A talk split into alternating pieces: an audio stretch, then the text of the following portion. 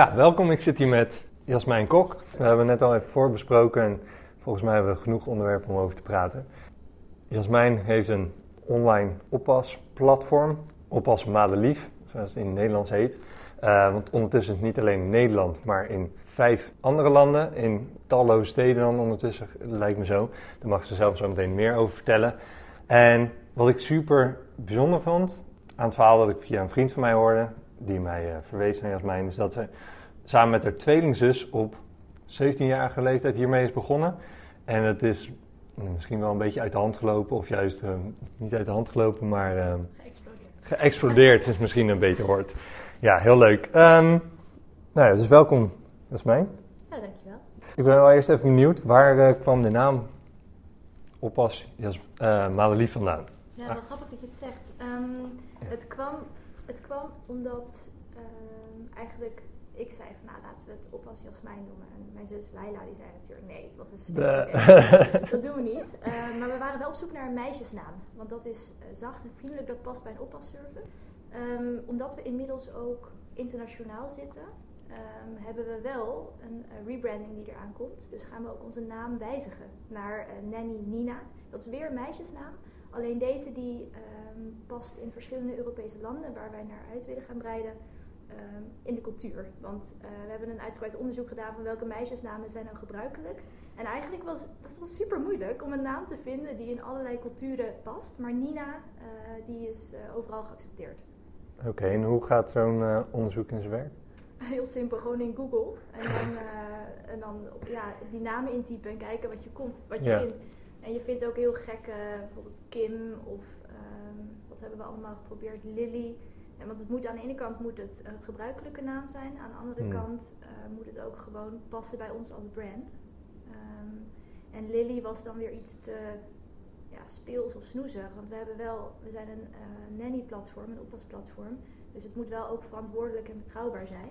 En uh, Nina was kort, het was hip, dus nou ja, uiteindelijk is uit de selectie Nanny Nina gekomen. Klinkt ook wel lekker, toch? Ja, precies. Ja, niet onbelangrijk. En uh, ja, misschien is het gewoon goed om even een soort beeld van jou te schetsen van, nou, uh, ondertussen pak meet uh, negen jaar geleden. Ongeveer. Het is het, nou ja, toen zijn jullie met iets begonnen. En nu sta je bij, uh, je hebt een platform wat in vijf verschillende landen wordt gebruikt. Hoe, hoe, hoe is dat gelopen? Hoe... Ja, nou, het was heel klein. Eigenlijk, mijn zus en ik wilden zelf wat meer gaan oppassen. Dus we hebben briefjes opgehangen bij basisscholen om uh, te gaan oppassen. En we werden helemaal plat gebeld. Er was zoveel vraag naar oppas. Dus uh, om aan de vraag te voldoen zijn we toen vriendinnen gaan vragen om uh, op te passen. En nou ja, we waren er heel veel tijd mee kwijt om dat te regelen. Dus, Want jullie waren de soort van de tussenpersoon dan? Precies. Ja, dus ouders belden ons en dan belden wij de vriendin, hey, kan jij misschien? En nou ja, dat kost allemaal heel veel tijd en we verdienen er helemaal niks aan. Ja, want dat was allemaal voor, voor de ja. voor, de, voor de goede doel. Uh, Precies, het was ja. heel leuk en dat is het nog steeds. Um, alleen, uh, we wilden het gewoon wel wat, wat makkelijker gaan regelen. Dus toen hebben we met hulp van onze ouders, die zijn ook ondernemer, hebben we uh, een website gebouwd. En dat was de allereerste oppasservice van Nederland online.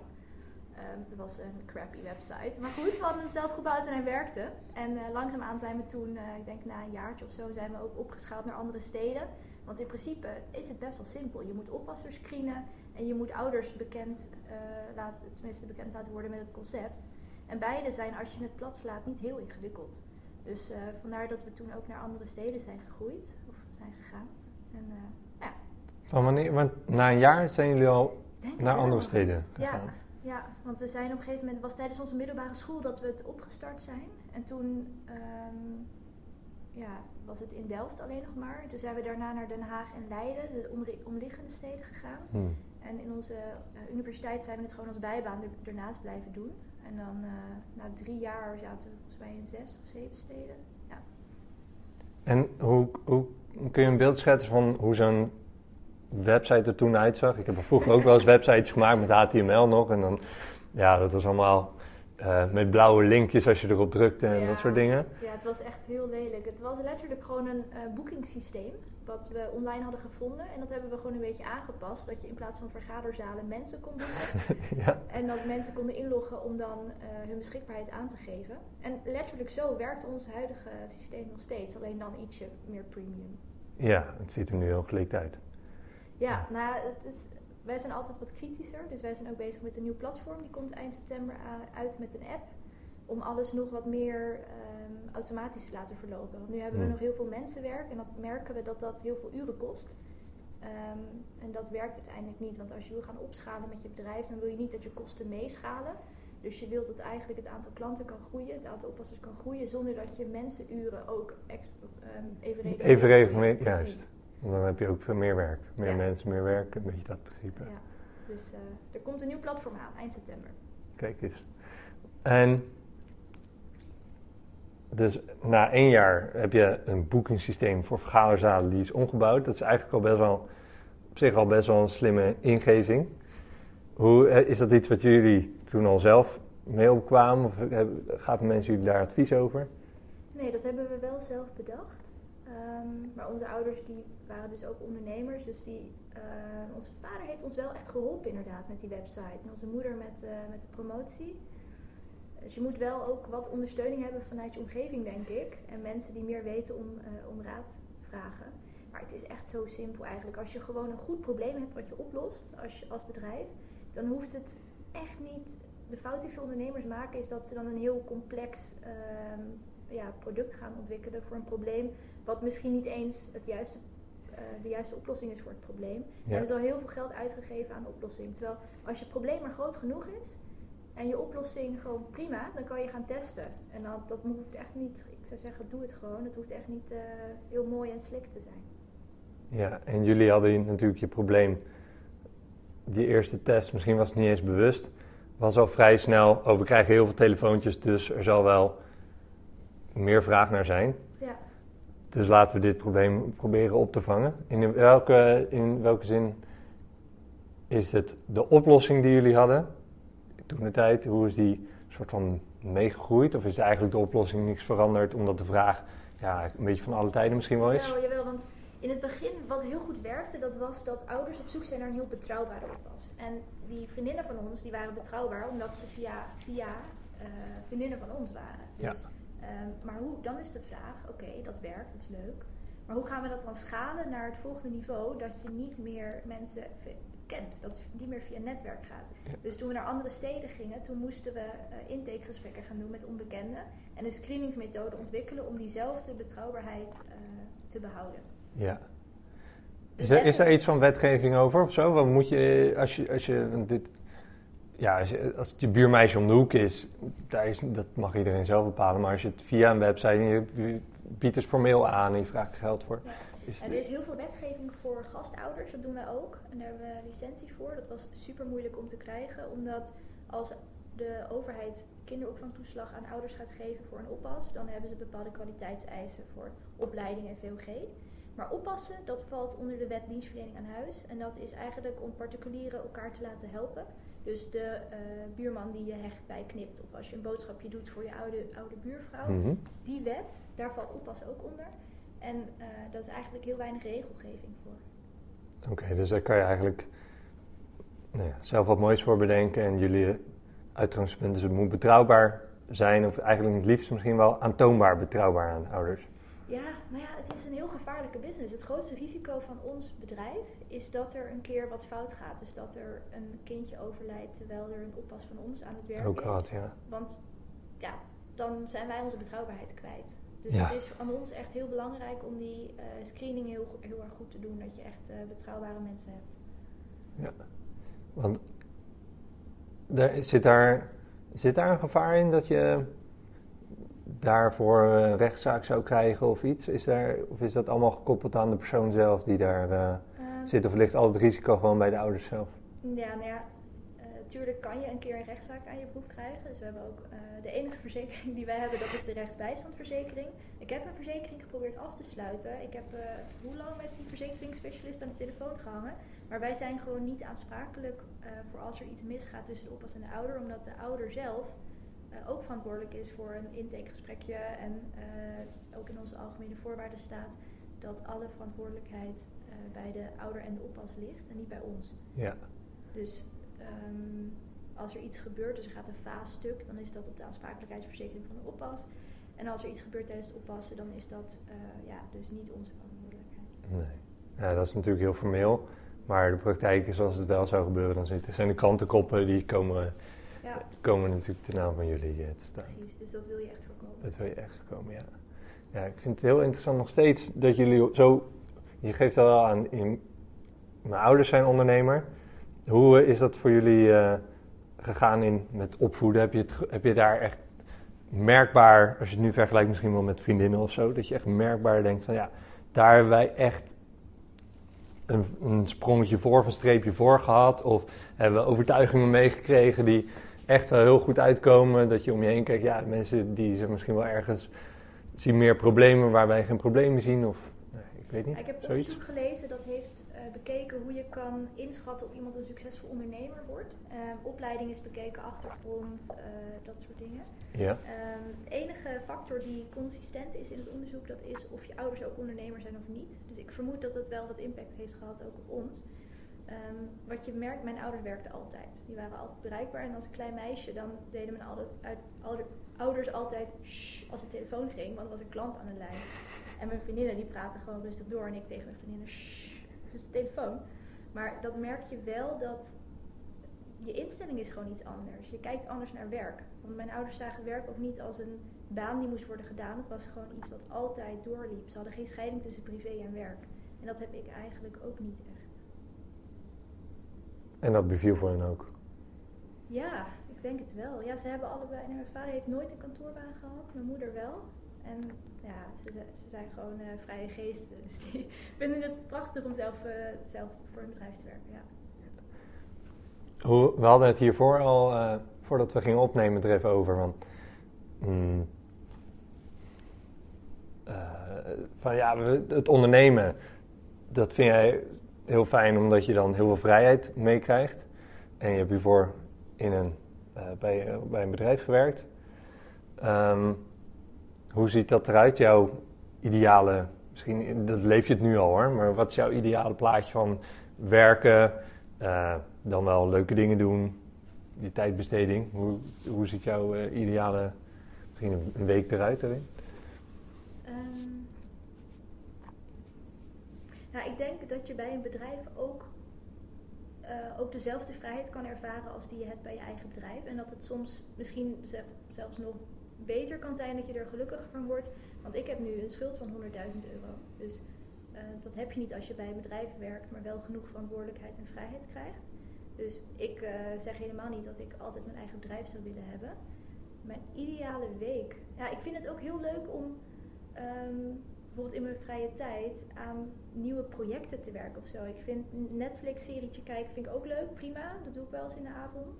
Maar nu moet ik ook zo hard werken om mijn bedrijf van de grond te krijgen dat een Netflix-serie kijken, dat is super dom. Want ik heb, ik heb een tijdspad van twee jaar om die, die crowdfund-lening af te betalen. Elke seconde dat ik niet aan het werk ben, is eigenlijk een verspilling van mijn tijd.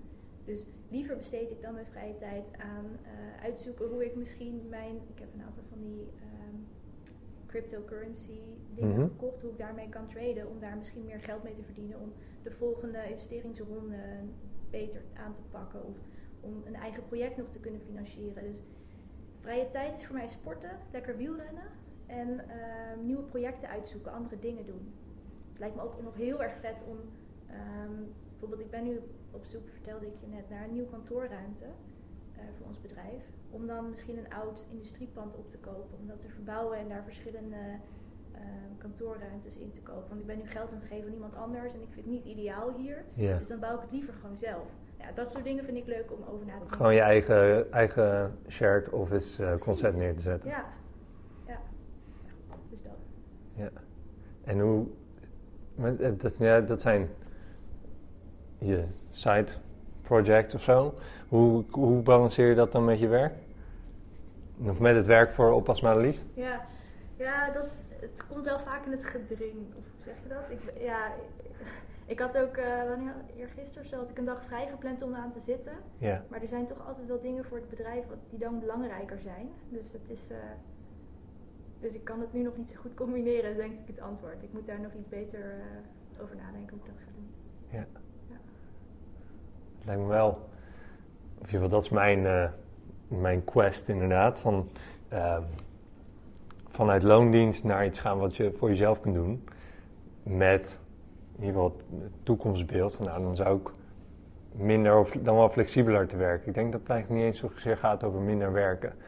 Ehm, maar vooral meer doen waar je, wat je leuk vindt. En wanneer je dat zou willen. Of misschien wel ook van waaruit je dat zou willen. Precies. Ja, ja want ken je Sam Evans? Dat is een... Ik heb daar wel eens, ik moet zeggen, ik, ik werd daar laatst op getipt. Zeg maar, hij, zei, hij doet online marketing met vanuit een consultancy-inslag dat hij uitkomt. Ja, consulting.com. Maar wat hij mij heeft, wat ik wel een goed inzicht vond, wat hij mhm. mij heeft uh, verteld, het is, ja, sommige mensen die gaan dan naar werk van 9 to 5 en dan gaan ze thuis en dan gaan ze daar lekker chillen. Dus het, die heel erg strikte scheiding tussen werk en privé. Ja. Um, terwijl dat niet nodig is om gelukkig te zijn. Want als je werk is wat je leuk vindt, hmm. dan ben je altijd vrij. Want dan ben je altijd leuke dingen aan het doen. Ja, dus sommige mensen kijken naar ondernemen van je bent dan altijd aan het werk. Hmm. Maar zo zie ik het niet. Je bent altijd vrij om aan projecten te werken die je vet vindt. Dus ik vind het ook een lastige vraag van wat doe je in je vrije tijd? Want voor mij is alles vrije tijd. Ja. ja. Merk je dat wel eens dat je, uh, jij bent nu 27, dat je een, misschien met de mensen, nog vrienden om je heen waarmee je omgaat, misschien vanuit de studie of ik weet niet dat je daar een soort afstand mee ervaart, of dat die echt een ander soort type leven leiden dan jij dat nu doet? Ja, zij vinden, zij hebben ook wel dingen die ze gewoon leuk vinden. En niet, niet iedereen vindt de manier waarop wij het leuk vinden, uh, leven prettig. Iedereen heeft zijn eigen manier. Dus voor sommigen is 9 to 5 werken de manier om gelukkig te worden. Dus uh, ze hebben een ander leven, ja. Maar ze hebben ook gewoon werk, net als wij. Dus nee, dat ervaar ik eigenlijk niet zo. Nee. Oké. Ik ben nog wel uh, benieuwd wat het. Uh, net noemde je het even, ja, dan zijn we namen gaan testen. Nou, dat gaat heel makkelijk, dat doe je met Google. Um, jullie hebben natuurlijk ook je online platform. Hoe is dat? A, hoe is het tot stand gekomen? En dan is eigenlijk vooral mijn vraag: van, kijken jullie dan ook naar hoe krijg je de meeste A, positieve reacties? Dat mensen, volgens mij is het belangrijk waar dat ze betrouwbaar ervaren dat ze misschien wel of niet gaan aanmelden, dat ze wel of niet uh, voor een oppas kiezen. Uh, testen jullie daar specifiek op? En zo, ja, ik ben wel benieuwd hoe dat in zijn werk gaat. Um, bedoel je specifiek voor ons platform? Ja. Um, dat doen we nu nog niet goed genoeg, maar dat gaan we, ons nieuwe platform is erop ontworpen dat we AB kunnen testen. Dus dat je dan, ja. nou ja, je weet hoe het werkt. En dat je dan wel kan gaan testen uh, wat beter werkt. Voor nu merken we dat ons platform straalt een soort persoonlijkheid en knulligheid uit. Want het is nu inmiddels alweer drie jaar oud. En het is ook, um, nou ja, het is ook heel persoonlijk en knullig. Dus hmm. dat het dat uit. En dat is voor oppassen heel erg uh, handig. Omdat dat is wat ouders zoeken. Dus we moeten uitkijken dat ons nieuwe platform, wat echt wel professioneel in elkaar zit, dat dat, dat niet verliest, die uitstraling. Ja. Dus daar ben ik nu, we hebben straks uh, over twee uur hebben we een meeting met onze art director. Dus dat is een bedrijf dat hebben we ingehuurd voor de rebranding. En ik ben heel benieuwd wat hij nu gaat presenteren. Want ik maak me een beetje zorgen dat, dat het zo hip en trendy wordt dat, dat het niet meer persoonlijk voelt. En niet meer knullig genoeg dat mensen ons ermee vertrouwen. Uh, dus ik denk aan de ene kant dat ons nieuwe platform beter toestaat om te testen. Maar aan de andere kant ben ik bang dat wat nu heel goed werkt op ons oude platform, dat dat dan verloren gaat. Dus uh, nou goed, dat gaan we zien. En hoe hebben jullie ideeën over hoe je dat borgt? Want gaan jullie in een soort scrum-proces in dat je het elke keer probeert af te toetsen aan een soort, uh, misschien een soort, uh, nou geen stuurgroep, maar hoe noem je dat? Uh, dat je een soort focusgroep hebt of zo binnen je klantenbestand om daarbij te testen? Ja. Of jullie gaan gewoon, nou ja, jullie een beetje traditioneel in de hokken en maken iets moois samen met, en doe het een beetje op intuïtie? Nee, we hebben wel gemerkt dat dat, dat, dat echt niet werkt. Dat je van tevoren denkt, oké, dit gaat het worden en dat je dat dan zelf gewoon bedenkt en gaat bouwen. Dus wat we hebben gedaan is, we hebben van tevoren een groep van 17 ouders en 17 oppassers geïnterviewd van wat vind je nou belangrijk in het proces en wat vind je belangrijk aan de site en wat wil je erin en wat maakt niet zo heel veel uit. Ja. En het grappige is dat ouders dus aangeven dat zij, uh, ehm, het heel belangrijk vinden dat het is geregeld. Dat, het, dat ze denken, oké, ik heb de oppas geboekt, dus nu is het afgevinkt van mijn lijstje. Dus nu kan, hoef ik me er geen zorgen meer over te maken. Dus ehm, dat aspect van zekerheid, Ja. eh, hoe ga je dat verwerken in het nieuwe platform? Want ik had geen idee dat, dat mensen het, van, het regelen van de oppas, dat iets is wat je van je to-do-lijstje af wil halen. Dus ik had geen idee dat ouders zo dachten. Ja. Eh, dus die, eigenlijk waren die interviews de basis voor het nieuwe platform. Juist. En dan, hoe lang, want, en dan ga je wel gewoon een platform bouwen en daarna in die zin eh, online zetten. Of gaat die live en dan heb je nog twee versies die je, waarmee je soort van tweaks zou kunnen maken. Ehm, hij is zo gebouwd dat je hem heel makkelijk nog kan aanpassen. Ja, Want er zit ook een app bij en die update dan gelijk ook in de, in de app. oké. En, ja. eh, bijvoorbeeld als je kijkt naar Airbnb of Uber, die hebben, dat heet dan native. Dus die hebben een aparte app en een aparte site. Dus als je aanpassingen wil maken, dan moet je twee keer updaten. Maar omdat wij verwachten dat we nog zoveel gaan veranderen, Hmm, hebben we daarop ook een andere, iets minder goede eigenlijk, als je programmeertechnisch gaat kijken, mhm. eh, manier van eh, developen hebben we daarvoor gekozen. Want we gaan nog zoveel moeten veranderen. Het gaat ook echt, iedereen denkt, oh chill, er komt een nieuw platform, alles gaat goed werken. No way. Dat gaat echt zo shitty zijn de eerste twee maanden na, na de launch. Maar goed, daar moet je even doorheen. En daarna gaat de flow is wel helemaal herontworpen en gaat echt beter zijn. Hoe hebben jullie dat, eh, hebben jullie dat eh, nou ja, gaanderwijs moeten leren? Hebben jullie, zijn jullie een keer op je bek moeten gaan omdat jullie te veel vanuit jullie eigen visie iets zijn gaan doen? Ehm, nou, ik denk dat de laatste tijd. Ik weet het niet zo goed. Je kan het ook niet weten. Misschien doen we nu dingen niet zo goed omdat we te weinig feedback krijgen. Feedback krijgen van je klanten is heel belangrijk en super moeilijk. Want iedereen is ook wel druk. En ik spreek ook Ja. zelf niet meer zo heel veel klanten, omdat dat nu de city managers doen. Dus ik vind dat nog wel lastig. Ja, en het levert. En wanneer het niet goed gaat, dan zou je het waarschijnlijk horen. Maar wanneer dingen net, net iets beter zo van het is ook, het werkt en het gaat goed, dat denken mensen misschien wel. En, maar die stap om het, die wow-factor toe te voegen, die zullen mensen misschien niet zo snel aan jou Precies. even opbellen. Zo van, nee, dat is mijn, ik heb nou toch een grandioos idee. Als je dit toevoegt, dan... Ja, nee, we hebben wel een paar klanten en die zitten dan in onze ja, advisory board of zo. En die, Ja. die eh, mailen en appen ons regelmatig met dingen, want zij, hebben het, ja, zij vinden het heel leuk om mee te denken. En nu met die crowdfund actie hebben we ook bewust voor gekozen om niet één grote investeerder te nemen, maar een groep van eigen klanten eigenlijk de kans te geven om te investeren in ons bedrijf. En die zijn nu super betrokken en geven ons allerlei feedback. Dus dat is heel fijn. Oké, hoe kun je een klein beetje... Jij zegt die crowd- crowdfund actie, kun je daar een klein beetje toelichting Ehm, aan geven? Ja, we hebben een crowdfund actie gedaan om 100.000 euro op te halen. Dat is nu drie maanden geleden. En we dachten eerst, oh, dat gaat ons echt, ja, dat wordt nog lastig. Hmm. Maar eigenlijk na een maand hadden we al, zat hij al vol. Dus dat zijn gewoon... Dat is echt super snel, toch? Super snel, ja. Dat was in binnen de, vijf, ja, binnen de helft van de tijd eigenlijk zat het vol. En ehm, nou, dat was heel leuk om, om te zien dat mensen dus wel vertrouwen hebben in ons en in, in het product. Ik heb echt geen idee? Hoe, gaat het in zijn werk? Want ik, ken crowdfund acties voor mij vanuit eh, gaat maar maken en dan worden mensen beloond. Dan krijgen ze bijvoorbeeld eh, voor, weet ik veel, een jaar eerder een soort eh, eh, een testversie van een horloge die wordt ontworpen. Hoe, gaat het in zijn werk? Wat krijgen die mensen daarvoor terug? Nou, je hebt verschillende manieren om geld op te halen voor je bedrijf. Je wilt eigenlijk nooit geld ophalen tenzij het echt nodig is, omdat je ofwel eh, aandelen weg moet geven uit je bedrijf, ofwel je moet rente gaan betalen over de lening. En je wilt Ja. liever gewoon, als het niet nodig is, wil je geen geld lenen. Maar als je echt groeiplannen hebt en eh, je moet een nieuw platform ontwikkelen of iets dergelijks, dat is het moment dat je denkt, oké, ik heb meer geld nodig, dus ik ga het ophalen. Toen hebben wij gekozen voor crowdfunding, omdat ons bedrijf op dit moment nog niet zo heel veel waard is. Nog veel minder waard is dan het eigenlijk kan worden. Dus daarom is het voor ons niet handig om nu aandelen weg te geven. En ehm, eigenlijk met aandelenverkoop eh, geld binnen te gaan halen. Ja. Dus daarom hebben we gekozen voor crowdfund lening. Dus dat zijn mensen en die lenen ons dan gewoon geld. En dat zijn kleine bedra- bedragen, omdat ehm, dat, ja, je kan je zelf kiezen. wat Kunnen particulieren gewoon denken, ik heb nog 2000 euro op de bank, eh, of op, op Ja. de bank staan. En die krijgen dat dan over twee jaar terug met een rente. Oké, is dat aantrekkelijkere rente dan dat je het bij de bank zou doen? Ehm, in principe ja, maar het is ook een veel risicovollere investering.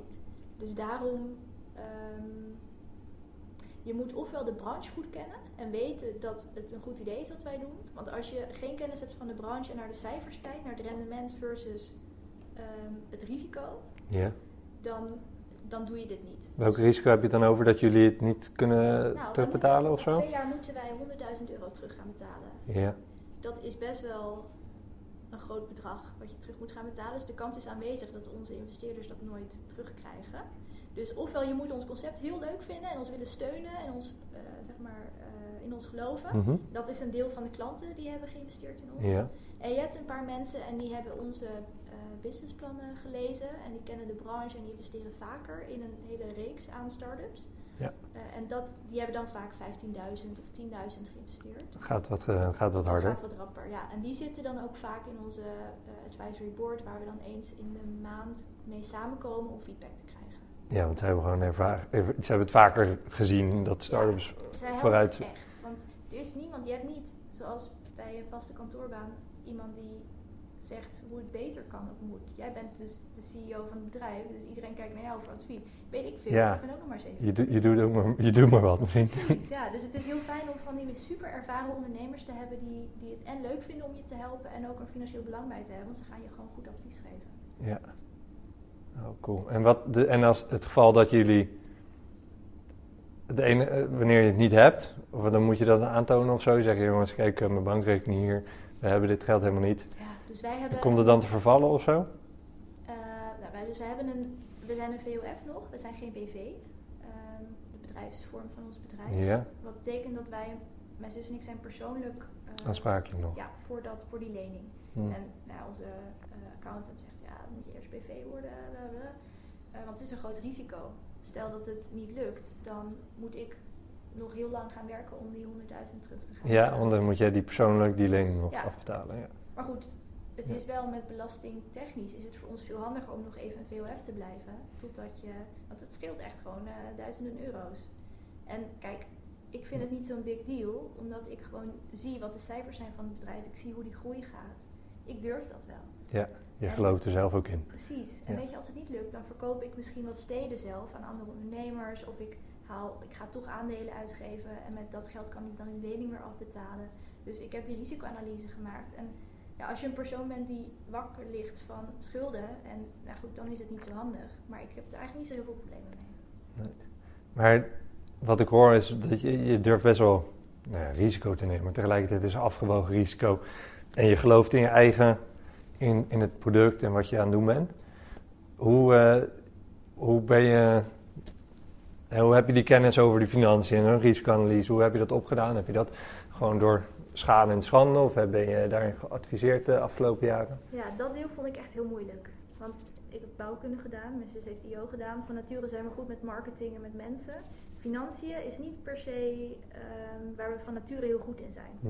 Maar door onze accountant is supergoed. Die is echt knettergoed ehm, en hij adviseert heel erg. Mijn vriend die is ook supergoed met getallen, dus die heeft ook wel het nodige bijgedragen. En verder is het ook, als je het plat slaat, ook niet zo heel ingewikkeld. En Laila die is dan CFO en ik ben CEO, dus zij heeft ook met haar vorige werk, eh, heeft zij heel veel, zij was market analyst, dus zij moest heel veel van Excel werken. Hm. Dus die heeft dat geleerd. Ja. Eh, het is echt gewoon erin duiken en het doen. En volgens mij ga je het anders ook nooit leren. Nee, dus krijg je er ook misschien niet echt gevoel bij of zo. Precies. Dan blijft het zo'n. Ik heb vroeger economie op de, de middelbare school gehad. Ja, als je niet. Als je, en dat is eigenlijk net zo met wiskunde, ja, als je het eigenlijk niet meer gaat gebruiken Precies. en het niet eh, ja, herkenbaar is, dan vervliegt dat, dat soort dingen natuurlijk ook een beetje. Ja. Ah. Oké, ik kijk nog even op mijn spiekbriefje. Ehm, we hadden het net eh, over ja, eh, het hebben van een coach. Hoe, heeft dat, eh, hoe is dat voor jou geweest? Ehm, heb, nou, laat ik zo zeggen. Heb je een business coach? Heb je een coach voor jezelf? Een soort persoonlijk vlak? Ehm, vooral, ik kan me voorstellen dat het best wel een, een gekke ontwikkeling moet zijn geweest om naast je studie ook nog je start-up te hebben en dat verder te brengen. En dat er misschien wel veel druk bij komt kijken. Ja, je, ont- je ontmoet soms mensen en dan denk je, oké, wauw, dit is echt een chill persoon. Hm. En ehm, zo is hoe we één eh, coach hebben ontmoet. Gewoon bij een, die, zij gaf een lezing en het was gewoon, zij was zo, soms heb je gewoon een, een klik en je weet, deze persoon die weet dingen, daar moet ik iets van leren. En dan is het gewoon durven naar iemand toestappen en zeggen, wow, ik vind het echt heel cool wat je nu hebt verteld. Wil je misschien een keer koffie doen met, met mij, dan, dat ik je wat vragen mag stellen. En heel vaak die mensen die willen je ook wel wat leren, die willen ook hun ervaring delen. En die leren ook wat van jou weer als, als jonge persoon. Dus, ehm, en de andere coach, dat is echt hilarisch. Die is echt, Gert Hans, hij is de oprichter van Fabriek. Dat is een uh, ja, succesvol ontwerpbureau in uh, Delft. Wij passen al eeuwen bij hem op. Uh, hij heeft ook een tweeling. Dus ja. wij waren dan met z'n Oh, dat... Ja. En oh, hij heeft ooit een keer gezegd, we zijn heel lang aan het aanlubbelen met ons bedrijf, omdat we de studie ernaast hadden en een, werk bij een architectenbureau en bij, een, bij Zodiac Aerospace werkte mijn zus. Um, omdat wij gewoon wilden doen eigenlijk wat de samenleving van je verwacht. Hè. Je, je stuurt je opleiding, dan ga je daarna bij een baan werken. Uh, terwijl eigenlijk het bedrijf heeft heel veel potentie, dus dat is zonde. Daar hmm. zijn we, vind ik, nog relatief laat achtergekomen. Maar Gert Hans die was al eeuwen aan het zeggen, waar ben je nou mee bezig? Stop met je baan, ga gewoon... En hij, hij had, wat zegt hij nou? Ja, jullie zijn als een, als een uh, voetbalteam, jullie staan in de finale. Het is uh, vijf minuten voor tijd. op het punt staan jullie om een om een goal te maken. Dus met z'n tweetjes, er is geen keeper meer. Ja. De bal ligt voor je voet. Ja. En wat zijn jullie aan het doen? Laila die is er lippenstift aan het bijwerken en jij bent je mascara aan het opnemen. Zeg nou gewoon je baan op en ga in je bedrijf werken. Dat is, uh, dat is eigenlijk wat hij altijd zei. En inmiddels zit hij in ons advisory board en hij helpt ons heel erg om. Je moet ook weten wat je goede en slechte punten zijn. Ja. En uh, Laila en ik zijn heel goed om dingen meteen aan te pakken en het voor elkaar te krijgen. En mensen te overtuigen om mee te doen met dingen. Maar echt groots denken en ehm, next level visie hebben, dat soort dingen. Daar hebben we echt aan moeten werken. Dus uh, we vonden het altijd lastig om in het begin in te zien hoe groot het bedrijf daadwerkelijk kon worden. En nu zien we dat. En nu toont het zich ook. Maar als je dat niet ziet en je gaat er niet actie op ondernemen, dan uh, kom je er nooit. En je zegt, ja, nu zie ik dat. Is dat omdat iemand anders je heeft geholpen dat, dat, dat grote schilderij in te, in te kleuren? Of is dat iets wat je zelf hebt ontwikkeld? Het kwam eigenlijk omdat we op het punt stonden om um, aandelen voor 50% weg te, te verkopen aan uh, development bureau wat nu onze branding doet. Oké. Okay, ja. um, en zij zeiden ja, maar ik geef je zoveel duizend euro ervoor, 50% van de aandelen. En wij dachten zo, oké, okay, maar is dat nou veel of is het nou weinig? Toen hebben we een waardebepaling laten doen en bekeken van oké, hoe groot kan het worden? En eigenlijk op dat moment begonnen we in te zien van oké, dit zou best wel eens groot kunnen worden. Dus toen hebben we gezegd, nee sorry, maar dat bod wat jullie doen voor die 50% dat slaat echt nergens op. En we gaan nu gewoon zelf onze baan opzeggen en het waarmaken. Op basis van de waardeinschatting die jullie dan laten doen? Ja. En die geeft, geeft hij dan ook een prognose of zo van nou, uh, dit is het waard en dit is het waard omdat dit je omzet is en dat heeft te maken met deze groeipotentie of zo. Hoe gaat het in zijn werk? Startup valuation, dus waardebepaling van startups, is echt een vak apart. Dus dat is uh, super moeilijk omdat er heel veel onzeker is. Ja. Dus vaak heb je wel uh, iets van een idee en dan kan je aan de hand van marktpotentie en uh, factoren van wat voor type bedrijf je bent. Dus wij zijn een marketplace zoals het heet. Um, dan ga je kijken naar um, ja, omzet en uiteindelijk doe je dan een keer zo'n um, zo'n factor die hoort bij jouw bedrijfstype, de ja. markt waar je in zit. Um, dan kan je een waarde gaan bepalen, maar dat is potentiële waarde. Dat is niet de waarde die het bedrijf nu heeft. Als, je, als je kijkt naar gewoon bedrijfswaardebepaling, is het heel makkelijk gewoon de omzet keer een factor van die branche. Oké, ja. En startups is veel moeilijker, omdat het gaat om potentiële waarde. Het is nog niet waargemaakt. Even kijken, daar raak ik me een klein beetje kwijt. Je moet eventjes, Joachim Blazer heet hij. Hij is dus expert in Nederland op het gebied van uh, waardebepaling. Mm Hij is niet goedkoop, maar als je, je kan een boek lezen van hem, dat, dat is wel goedkoop. En dan weet je eigenlijk weet je precies hoe het werkt. Oké, vet. Ja, ga ik zeker doen dan. dat is al het tweede boek uh, die op mijn lijstje komt. Um, dus dan uh, misschien kunnen we een klein beetje meenemen. Dan hebben jullie het eh, idee gekregen, in ieder geval op papier, van nou, het, zit echt veel meer in.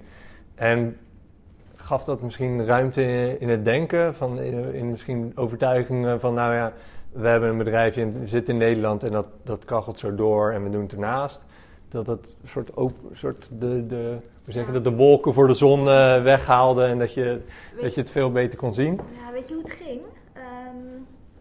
Die mensen wilden dus 50% van ons bedrijf hebben. En wij dachten, ja, maar wow, dat is echt een super slecht idee. We gaan bewijzen dat als je, als je, want we investeerden niet. We groeiden gewoon organisch omdat we een probleem oplossen. Ja. Dus het is een steady groei die we de afgelopen tien jaar hebben doorgemaakt. Maar toen dachten we, oké, maar we gaan bewijzen dat het veel meer is. En dat ons uh, bedrijf een geldmachientje is. Dus toen hebben we samen met onze franchise-nemers zijn we zes maanden warrior maanden zijn we ingegaan. Ja, Oké, okay, ja. Toch Heel mannelijk voor zo'n ja. vrouw, hè? hey, we zijn geen tutjes, hè? uh, maar toen hebben we voor zes maanden lang 50% van de omzet terug geïnvesteerd in het bedrijf. Oké, ja. Um, dus moet je voorstellen, dat is best wel een behoorlijk bedrag wat je gewoon uit jezelf opeens gaat investeren. Dat was niet makkelijk, hm. want je moet je franchise-nemers overtuigen om opeens in plaats van zichzelf loon uit te keren, dat niet meer te doen en gewoon 5% direct terug te investeren. Oh, dus je vroeg ook aan hun dat zij hun omzet investeerden in eigenlijk in jullie bedrijf, maar ook wel deels een... Ook in een eigen bedrijf. Franchise-nemers hebben hun eigen bedrijf gewoon. Dus 50% van de omzet is in die zes maanden steeds terug geïnvesteerd in het bedrijf. En je zag echt dat de omzet, die ging, ja, je ziet niet wat ik doe, maar die ging knetterhard omhoog. Uh, die is verdubbeld in zes maanden. En dat, heeft, dat was eigenlijk het punt waarop wij dachten, oké, nu moeten wij hier serieus mee aan de slag. Het was eigenlijk een testje. Leila en ik maken niet graag, houden niet zo van risico's. Dus daarom hadden we eerst getest voordat we onze baan gingen opzeggen. Ja, begrijp ik. Ja. En wat maakt dan, waar ging, waar ging die helft van de omzet dan in zitten? Wat maakt dat, die, dat je omzet dan opeens wel ging, omhoog ging? Ja, en dat heeft met onze marketingstrategie te maken. Uh, dus dat is een mix tussen online en offline. Dus uh, Facebook, Instagram advertenties werken voor ons heel goed om oppassers te vinden.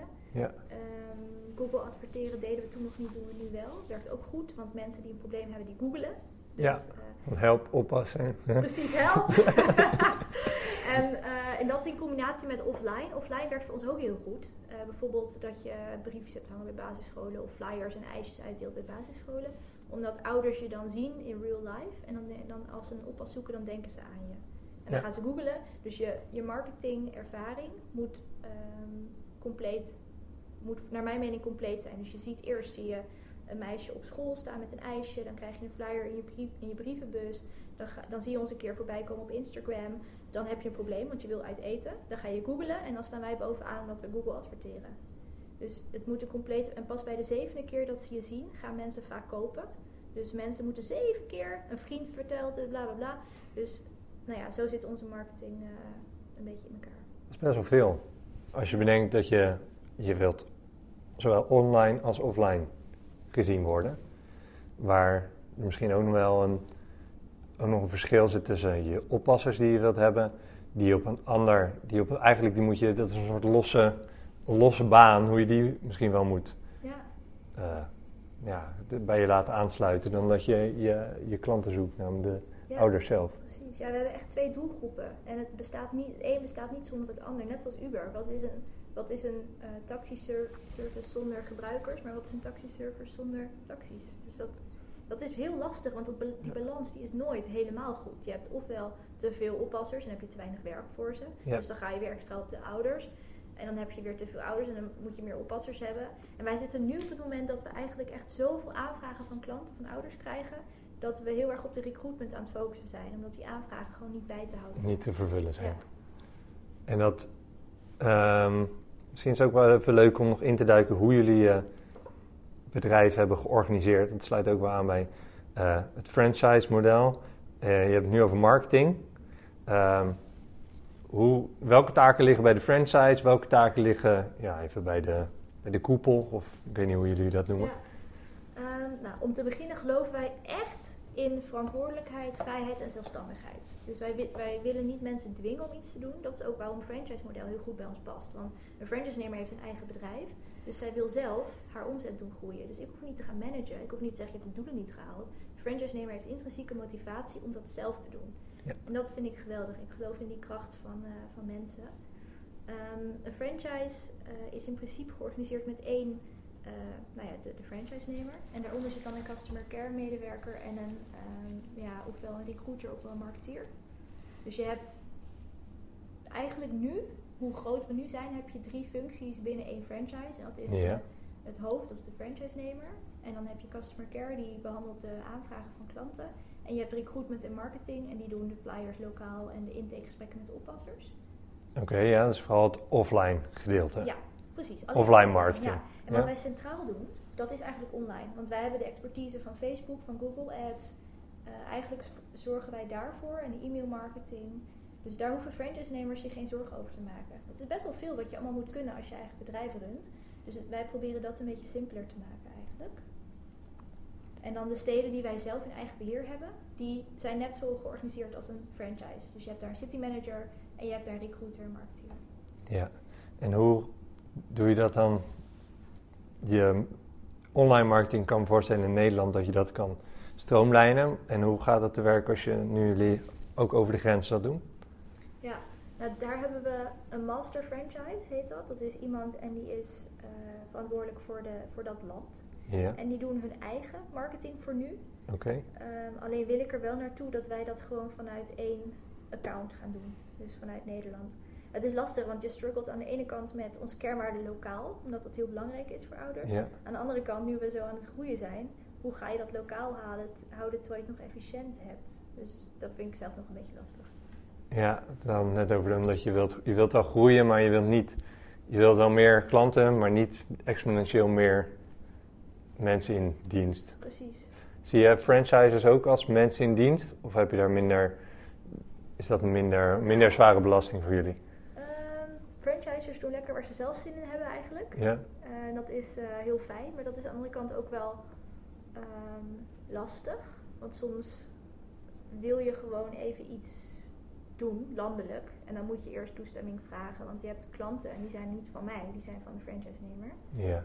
Maar um, ja, ik spreek, we spreken ons eigen team uh, sowieso één keer in de week hebben we de Monday Morning Meeting. Dus dat is hier op de maandag om te kijken van oké, hoe gaat het, waar loop je tegenaan? En voor de rest mogen ze thuis werken. We hebben heel veel moeders, die vinden het heel fijn om uh, ja, hun kinderen gewoon van school te kunnen halen, s ochtends te werken, s middags te werken, wanneer ze tijd hebben. Dus aan de ene kant heb je die vrijheid om thuis te kunnen werken. Aan de andere kant verwachten wij wel ook dat als er s'avonds of in het weekend iemand belt met een spoedaanvraag, dat ze die gewoon te woord staan. Dus het is flexibiliteit en verantwoordelijkheid, maar dat werkt wel twee kanten op. Ja, en dat knoopt misschien ook weer een beetje in, in de gedachte. Als je het maar leuk vindt om te doen, dan is het minder erg om ook s'avonds dat telefoontje op te nemen. Ja. En ik zoek ook niet, bij mij moet je niet aankomen kloppen als jij dat niet wilt, als dat niet jouw werkinstelling is.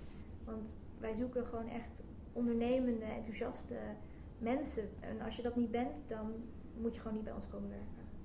Nee, en er zijn andere jobs die je veel meer structuur en zekerheid misschien wel geven. Ja. Ja, begrijp ik. Oké. Ehm, dat uh, opzetten van zo'n zo'n marketing, ja, marketing funnel misschien wel. Um, is dat iets wat jullie zelf hebben aangeleerd? Of is dat iets wat jij jezelf hebt aangeleerd? Of eh, hebben jullie daar mensen voor benaderd om dat mee te helpen? Ja, ik heb het wel zelf uitgezocht, maar ik loop nu echt tegenaan. Google, Google adverteren, dat is echt vak apart. Eigenlijk Facebook adverteren, als je dat goed wil doen, is ook echt een vak apart. Dus je kan niet alles zelf doen. Dus daar hebben we dan nu uh, mensen voor die dat doen. Uh, maar volgens mij, precies wat jij zegt, volgens mij om projectmanager te kunnen zijn, dus om iets te kunnen managen, moet het wel begrijpen. Dus daarom heb ik wel echt gewoon volledig erin gedoken om het te proberen. Ja, want anders snap je er ja. geen hout van. nee, maar anders kun je ook niet, in ieder geval, je moet wel enige uh, kennis ook van hebben wanneer jij wilt beoordelen of iemand anders het wel of niet goed doet. Precies. Dat is ook nog zoiets. En ga je een bureau inhuren. Uh, ja, dan moet je, je moet daar iets van kunnen vinden ook. Precies, ja. Tuurlijk, je, je moet vertrouwen hebben in mensen. Maar die mensen, en dat is heel logisch, die doen gewoon hun werk. Maar die zijn niet hun eigen geld aan het uitgeven. Nee, zijn, dat is ook zoiets. Ik heb ooit gelezen, wat was dit? Uh, Freakonomics, denk ik. Um, dat als je kijkt naar de statistics van makelaars Um, en dan de huizenprijzen bekijkt van gewoon alle huizen. Of de huizenprijzen van de huizen van makelaars.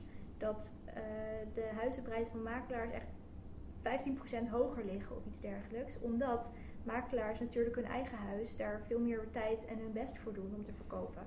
Terwijl als ze een huis van iemand anders proberen te verkopen, dan krijgen ze een percentage van de fee. Dus ze moeten veel harder werken om er nog 20.000 bovenop te krijgen bij de prijs.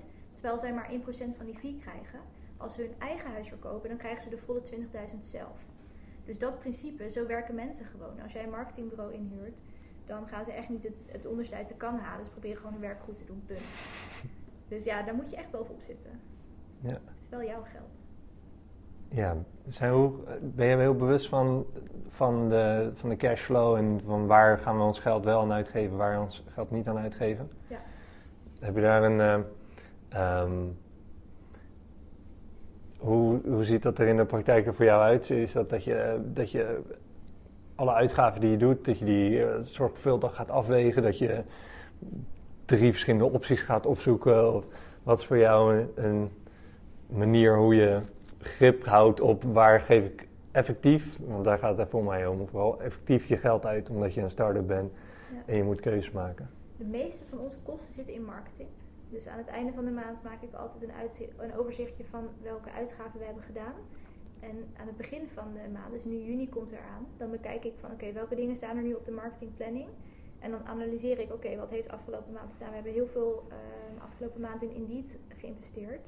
Maar als je dan het marketingrapport, wat ik dan ook maak, elke maand bekijkt, dan heeft dat echt super weinig echt ehm, daadwerkelijke leads opgeleverd. Dus matches gemaakt. Want het is, data is echt key. Je moet echt weten van, oké, leuk dat deze Indeed adver- advertentie 170.000 keer is bekeken. En dat daar nu zoveel ehm, klikken op zijn geweest. Maar als ik kijk naar hoeveel matches er zijn gemaakt tussen op- oppassers en gezinnen, dan zijn dat er veel te weinig voor wat het me heeft gekost. Want je moet per medium dan gaan kijken, oké, Facebook, Indeed, ehm, Instagram, Google Ads, alles waar ik geld aan uitgeef. Ja, Wat heeft het me gekost per kandidaat eigenlijk? ja, En dat gaat nog een laag verder dan puur hoeveel mensen hebben het gezien, hoeveel mensen hebben geklikt. Want misschien, het zo blijkt, de kwaliteit van de oppassers die we via Indeed binnenhalen is veel lager. Dus die kunnen we minder goed matchen dan de kwaliteit van oppassers die we via Instagram binnenkrijgen. Dus mijn marketingplanning, eigenlijk had ik weer 2000 euro op Indeed willen inzetten, volgens de planning. Wij gaan het echt niet doen, want dat platform werkt veel minder goed voor ons. Dus dan pas ik hem aan de hand van de resultaten weer even aan. En dan ga ik dat zorgen dat dat wordt uitgevoerd. ja, dus je kijkt naar de conversie van hoeveel heeft deze advertentie gekost en wat heeft het me opgeleverd in, eh, in dit geval kijk je dan naar eh, oppassers. Die zijn ingeschreven. Of waar, wat, is het, wat is het meetcijfer erin? Ja, ingeschreven heb je. Maar daarnaast heb je dus nog extra, extra laag die het echt waardevolle informatie maakt. En dat is dan eh, de oppassers die daadwerkelijk door de screening heen komen en die gematcht worden aan een gezin. Oké, dus eigenlijk vanaf eh, klik op de advertentie tot aan eh, dat ze hun eerste oppassessie als het ware hebben gehad. Dat is zeg maar de belangrijke. De op, zeg maar het, het, het, het, het eindstation, of nou niet het eindstation, dus kan, is eigenlijk het begin van dat ze dus vaker gaan oppassen. Dus we hebben één keer opgepast, dat is zeg maar het, meet, het belangrijkste meetpunt voor jou. Ja, ja, je moet echt uitkijken voor, eh, om niet in de fout te vervallen dat je naar vanity metrics gaat kijken. Dus dat je bijvoorbeeld kijkt, oh onze omzet is echt met 20% gestegen. Maar dat je dan totaal negeert dat er heel veel refunds en chargebacks is. Dat je geld moet teruggeven aan je klanten. Ja. Want dan zegt, dat, dan zegt die groei helemaal niks. Dus je kan ook kijken, oh we hebben echt, eh, wat hadden we nu? Ik denk niet dat ik van Leila exacte cijfers mag geven. Maar we hebben zo, zoveel nieuwe oppasinschrijvingen. Maar misschien is dat niks waard. Dat zijn vanity metrics. Als je gewoon zegt, oh het gaat goed, want de cijfers zeggen dit. Maar misschien kijk je naar de verkeerde cijfers. Ja. Is dat iets wat, eh, ehm, wat je door de tijd hebt, heen hebt moeten leren? Ja. Is dat een, een of andere oude man die je dat heeft verteld? nee, het is eh, dingen waar je dan zelf achter komt. Weet je, bijvoorbeeld, ach, zulke stom beginnersfouten. Dat je dan eh, belasting vergeet mee te nemen. Weet je, dat soort eh, dingen. Nou, dat is een ziek groot verschil als je 21% opeens... maar goed, dat doe je één keer fout en dan nooit meer. ja. Ja. Over fouten gesproken. Wat, ehm, jullie doen nu de laatste... Wanneer heb je je baan opgezegd? Zes maanden geleden, denk ik. Oh, echt heel recentelijk. Oké, en wat denk je dat... Welke fouten had je misschien nu... eh, die had je, je had- sowieso moet je al je fouten maken, want het is niet- te voorkomen. Maar wat zijn nou misschien, zeg, pak een beetje drie dingen of, of dingen waar, die echt zijn bijgebleven van ja, de afgelopen jaren, als we dat even anders hadden gedaan, dat had, eh, dat had nu gescheeld. Of daar zijn we nu heel alert op dat dat in ieder geval wel goed gaat. Ik had eigenlijk mijn baan veel eerder moeten opzeggen. om mee te beginnen. Ja. Kwam dat vanuit angst? Of gewoon het heel leuk vinden nog steeds op het werk? Ja, ik vond het ook echt heel leuk. Ik werkte aan de meest vette projecten. Alleen voor het bedrijf, als je kijkt naar wat ik echt wil doen met mijn leven, dan, eh, dan had ik nu, wat ik nu weet, had ik dan twee jaar terug al geweten. Want je fouten moet je allemaal een keertje maken. Ja. Wat heb ik nog meer geleerd? Poeh. Ehm, mensen. Mensen zijn echt heel belangrijk voor je bedrijf. Alles, alles wat je wilt doen gaat door mensen. Dus ehm, het is ook heel moeilijk om de goede mensen voor je bedrijf te vinden. En dat is het allerbelangrijkste voor een bedrijf, om de goede mensen er te hebben werken. En ik, het is heel moeilijk om te herkennen wat goede mensen zijn. Dus Sam Evans heeft er ook een heel mooi uh, stukje over hoe je, dat, uh, hoe, je, hoe je dat kan doen. En de enige manier volgens mij is om heel veel mensen te spreken, heel veel intakes te doen. En niet zomaar iemand aan te nemen van, oh ja, het komt chill over, ik voel wel een vibe. Dat is niet genoeg. Nee, ik kan me voorstellen dat er een valkuil zit in, ik heb, doe zelf al sollicitatiegesprekken, okay. is dat wanneer je met iemand praat en die komt, misschien heb je inderdaad een hele goede klik, omdat je, ja, dat, dat matcht gewoon heel lekker, maar dat is niet per se wat, je, wat de functie vraagt ja. en nodig heeft.